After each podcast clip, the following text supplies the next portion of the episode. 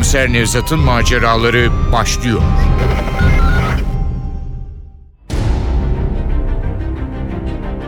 Ölüler yalan söylemez. Eser Ahmet Ümit. Radyoya uyarlayan Aynur Altunkaş.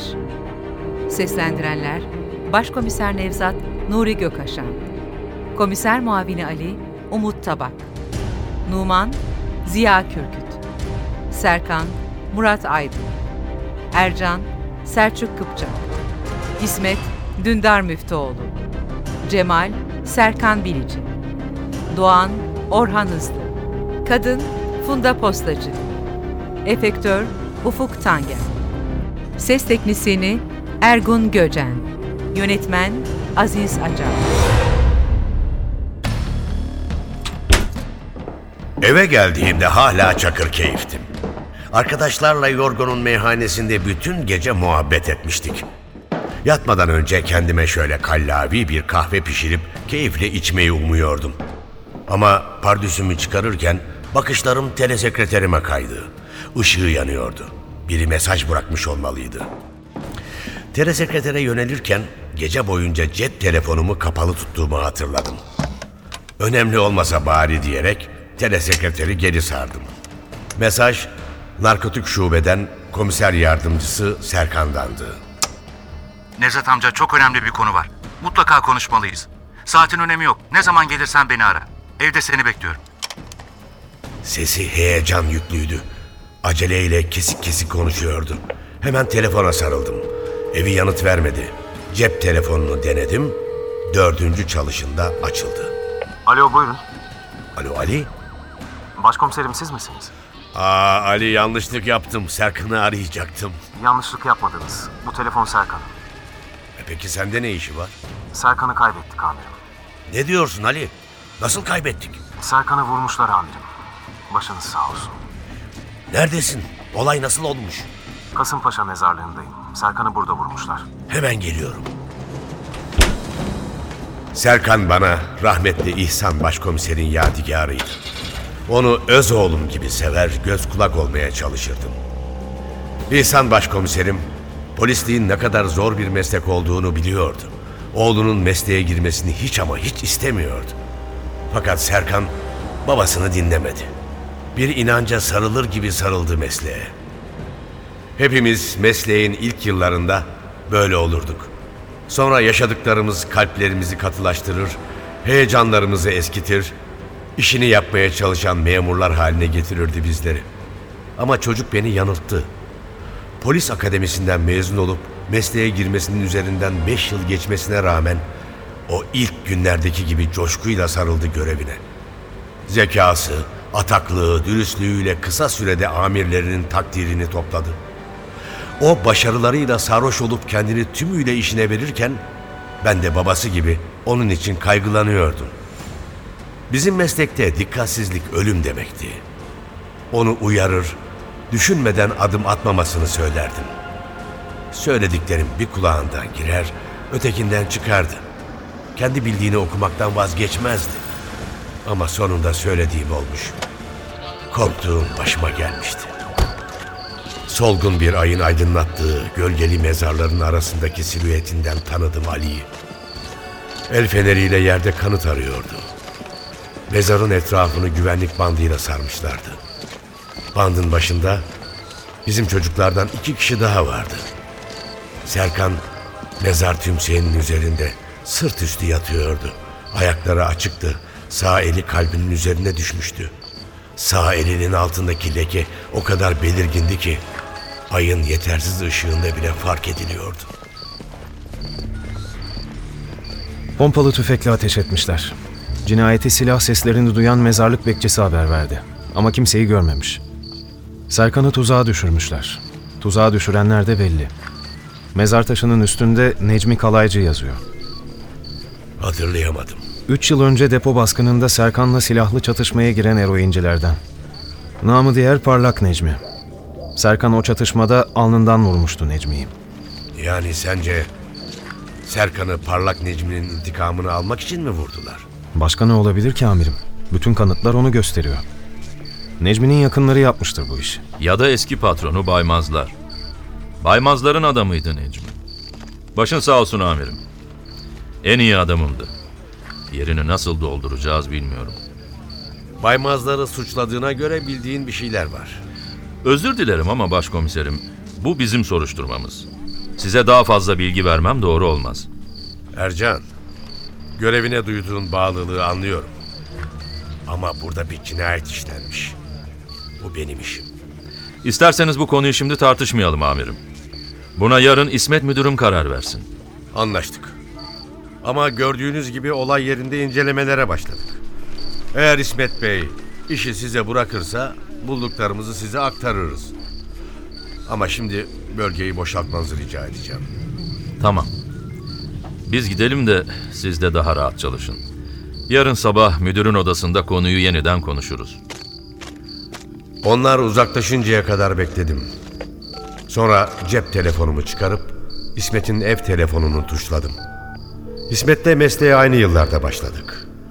Ben her fırsatta üstlerimle sürtüşüp kıdem kaybederken o herkeslere gülücük dağıtarak mesleğin zirvesine doğru emin adımlarla yükseldi. İsmet'in telefonu çalarken güvenlik bandını aşarak adamlarımdan uzaklaştım. Alo, Alo İsmet. Merhaba ben Nevzat. Nevzat.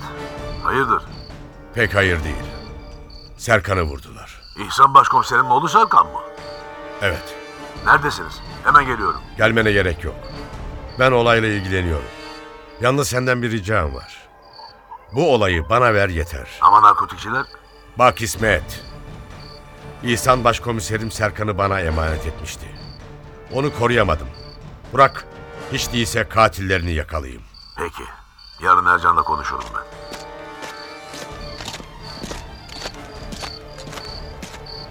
Necmi Kalaycı'dan başka bulduğunuz bir şey var mı Ali? Henüz yok amirim. Ortalık aydınlanınca bir kez daha araştıracağız. İyi. O halde buraya iki nöbetçi dik. Şu Necmi'nin evini bir ziyaret edelim. Yoğun bir telsiz trafiğinden sonra Necmi'nin ölmeden önceki ikametgahını öğrendik. Küçük köydeki bir gece konduda kalıyormuş. Saat gecenin dördü olmasına aldırmadan bastık zile. Dördüncü çalışında açıldı kapı. Beli bükülmüş, yüzü kırış kırış bir kadın karşıladı bizi. Ne var? Ne istiyorsunuz? Biz polisiz. Evinizde arama yapacağız. Necmi mi öldürdünüz yetmedi mi? Pompalı tüfeği bulduk amirim. Galiba kullanan şahıs da burada. Sen kimsin? Ben Cemal'im. Necmi mi öldürdünüz? Şimdi de Cemal'imi mi öldüreceksiniz? Cemal'imi bırakın o benim hayatta tek dayanam.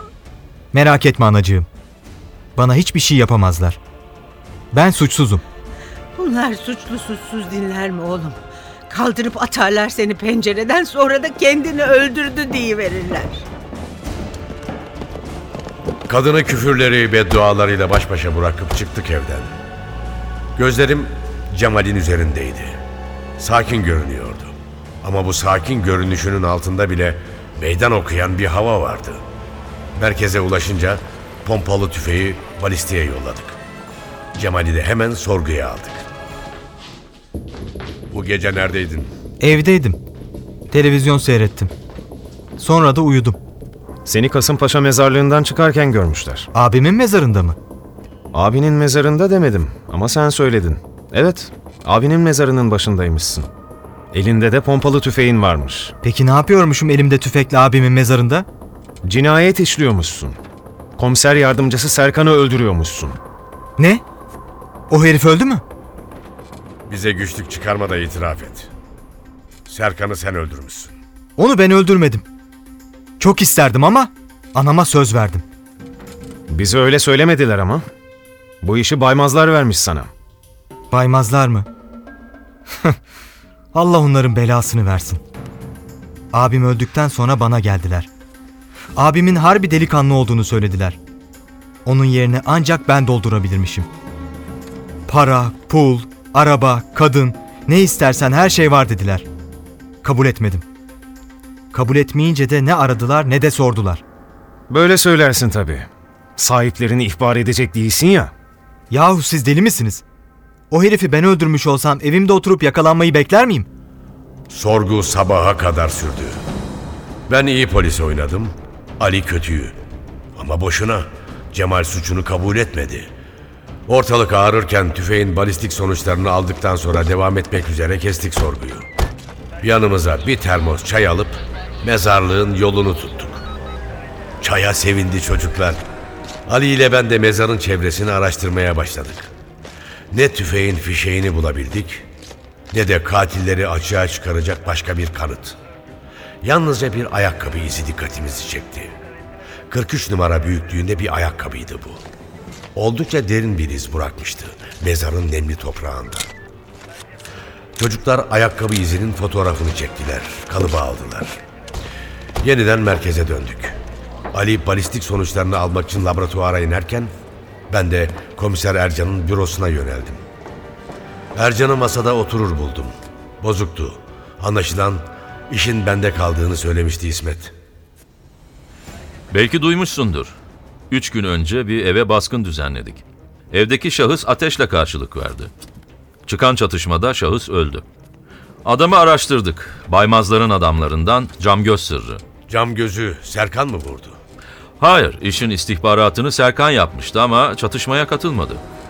Necmi olayından sonra geride duruyordu. Neyse, evde başka kimseyi bulamadık ama siyah bir çantada 1 milyon dolar ele geçirdik. Serkan'ın istihbaratına göre bu para eroin alımında kullanılacaktı. Bir de şifreli mesaj vardı. Mesaj, buluşmanın nasıl gerçekleşeceğini anlatıyordu. Serkan, Camgöz'ün yerine gitmeyi teklif etti. Ben kendisinin göze battığını, başka birini yollamayı önerdim ama o ısrar etti. Adamlarla görüşmeye gitti. Onlara cep telefonunun numarasını verdi. Dün gece onlarla buluşacaktı. Demek ki onu tanıdılar ve Peki siz adamları tespit etmediniz mi? Serkan'ı önceden görüştüğüne göre şahısların fotoğraflarını falan çekmediniz mi? İzlemediniz mi? Aman amirim siz ne diyorsunuz? Bu çok tehlikeli olurdu. Bu şahıslar Serkan'ı izliyorlarsa bu yönde bir hareket Serkan'ı ele verirdi. Peki telefonun numarasını şahıslara verdiğini söyledin. O numarayı arayanları tespit ettirdiniz mi? Ettirdik. Serkan Taksim'deki ankesörlü telefonlardan birinden aranmış. Adamlar kurnaz hiç açık vermiyorlar. Ama bu iş açığa çıkar. Zaman içinde mutlaka bir yanlış yaparlar. Oo, onların yanlış yapmasını beklersek işimiz uzar. Elimizden gelen yardımı yapmaya hazırız amirim. Ne zaman isterseniz beni arayın. Bilirsiniz, Serkan en iyi adamımdı. Onun kanının yerde kalmasına gönlüm razı olmaz. Ofisime geldiğimde Ali henüz laboratuvardan dönmemişti. Koltuğa otururken telefonum çalmaya başladı. Açtım. Arayan Baymazların avukatı Doğan Semiz'di. Daha önce bir cinayet olayı nedeniyle karşılaşmıştık. Günahım kadar sevmezdim herifi. Yanlış adamı gözaltına almışsınız. Cemal katil değil. Öyle mi? Söyle de doğru adamı yakalayalım. Parayı takip etmelisiniz. Hangi parayı? Serkan'ın olayındaki parayı. Cam gözün evindeki 1 milyon dolardan mı bahsediyorsun? Bir milyon dolar mı? Size öyle mi söylediler? Daha mı fazlaydı? Nereden bileyim? Bunu komiser Ercan'a sor. Evi onlar bastı. En iyisi Serkan'a sormakta ama artık o yok. Ya neden bildiklerini anlatmıyorsun? Kızmayın Nevzat Bey. Ben sadece varsayımda bulunuyorum. Sizi aramamın nedeni Cemal'in avukatı olduğumu söylemek içindi. Kafam iyice karışmıştı. Baymazların avukatı hedef mi şaşırtıyordu yoksa bana tiyo mu veriyordu? Serkan'ın telesekreterime bıraktığı notu anımsadım. Ani bir kararla pardüsümü giydim, koridorda Ali ile karşılaştık. Balistikten sonuçları almıştı. Cemal'in tüfeği en az 6 aydır kullanılmamıştı. Otopsi sonuçları ise öğleden sonra belli olacaktı. Ali'ye Ercan ve iki adamı hakkında bilgi istediğimi söyledim. Üstün körü değil, kaç numara ayakkabı giydiklerinden nerede oturduklarına kadar. Serkan'ın evinde anormal hiçbir şey yoktu. Telefonun başında not defterinin yanındaki küllük dikkatimi çekti. İzmarit doluydu. Hemen yanında içi kahve dolu bir fincan vardı. Banyoya baktım, klozetin kapağını kaldırdım. Suda yüzen yanmış bir kağıt parçası takıldı gözüme. Eğilip aldım. O anda jeton düştü. Derine gömülmüş ayakkabıyı anımsadım. Serkan mezara kendi gitmedi. Onu bayıltıp taşıdılar. Kapıda zorlama olmadığına göre evine gelenler Serkan'ın tanıdıklarıydı. Not defterini cebime atıp laboratuvarın yolunu tuttum. Aceleniz var galiba amirim. Hem de çok. Bu defterin üzerinde yazı yazılmış. Sayfayı koparmışlar. Ama alttakine iz çıktığını umuyorum. Okuyabilir miyiz? Üzerinde yazıldıysa okuruz amirim. Sonuç alır almaz size getiririm. Numan iki saat sonra sonucu getirdi. İki çanta resmi çizmişti Serkan. Resimlerin üstüne birer milyon dolar yazılmış. Yanlarına da soru işaretleri konmuştu. Ayrıca defterin üzerinde benim ve Numan'ın dışında iki parmak izi daha bulunmuştu. Akşam üzeri Ali topladığı bilgilerle gelince parçalar tamamlanmaya başladı. İki yıl önce Ercan ve iki adamı Güneydoğu'da ele geçirdikleri eroinin bir bölümünü sakladıkları gerekçesiyle soruşturmaya uğramışlar. Ama yeterli kanıt bulunamadığı için aklanmışlar. Adamlarının biri 43 numara ayakkabı giyiyor. Daha da önemlisi amirim, Serkan'ın not defterindeki parmak izlerinden biri Ercan'a ait. Evet. Otopsi sonuçları da tahminimi doğruluyor. Serkan ölmeden önce başına sert bir cisimle vurulmuş. Artık teşkilat içinde bir operasyon için İsmet'ten izin isteyebilirim. İsmet önce karşı çıkacak gibi oldu. Söylediklerimi duyunca razı geldi. O gece Ercan ve iki adamının evlerini bastık. Üçünü de gözaltına alıp ayrı ayrı hücrelere koyduk. Ercan kendisine komplo kurulduğunu ileri sürüp olayı inkar etti. Adamları da kabul etmediler. Üzerlerinde çalıştık. Cinayeti nasıl işlediklerini anlatarak bunları bize Ercan'ın itiraf ettiğini söyledik. Ercan suçu sizin üzerinize yıkmaya çalışıyor dedik. Biri deneyimliydi, numaramızı yemedi. Ama öteki sokayı yuttu. Aslında Camgöl sırrı teslim olmuştu. Ama paraya el koymak için onu öldürmüşlerdi. Serkan evin dışında olduğu için kimse de onlara engel olmamıştı. Ancak operasyonun istihbaratını Serkan yaptığı için evde 2 milyon dolar olduğunu biliyordu. Ercan'la adamları 1 milyon dolar var deyince kuşkulanmıştı. Benimle konuşmak istemesi de bu yüzdendi. Ama Ercan ve adamları önce davranıp onu öldürmüşlerdi. Suçu da Baymazların üzerine yıkmak için Serkan'ı bayıltıp Parlak Necmi'nin mezarının üzerinde vurmuşlardı. Tüfeği parçalayıp gömdükleri yeri de gösterdi sorguladığımız polis. Parayı da Ercan'ın Kadıköy'de döviz bürosu çalıştıran kayınbiraderinin kasasında bulacaktık. Serkan'ı belki kurtaramadım ama hiç olmazsa katilini yakalamıştım.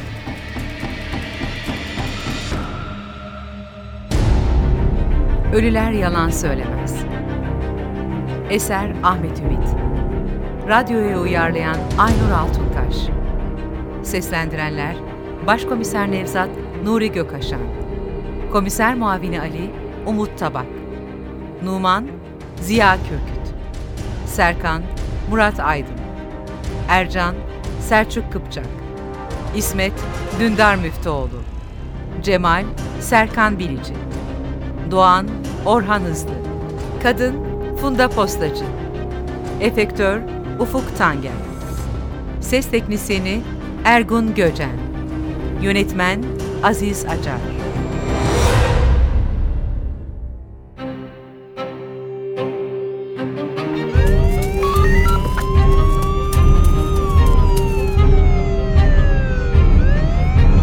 Komiser Nevzat'ın maceraları.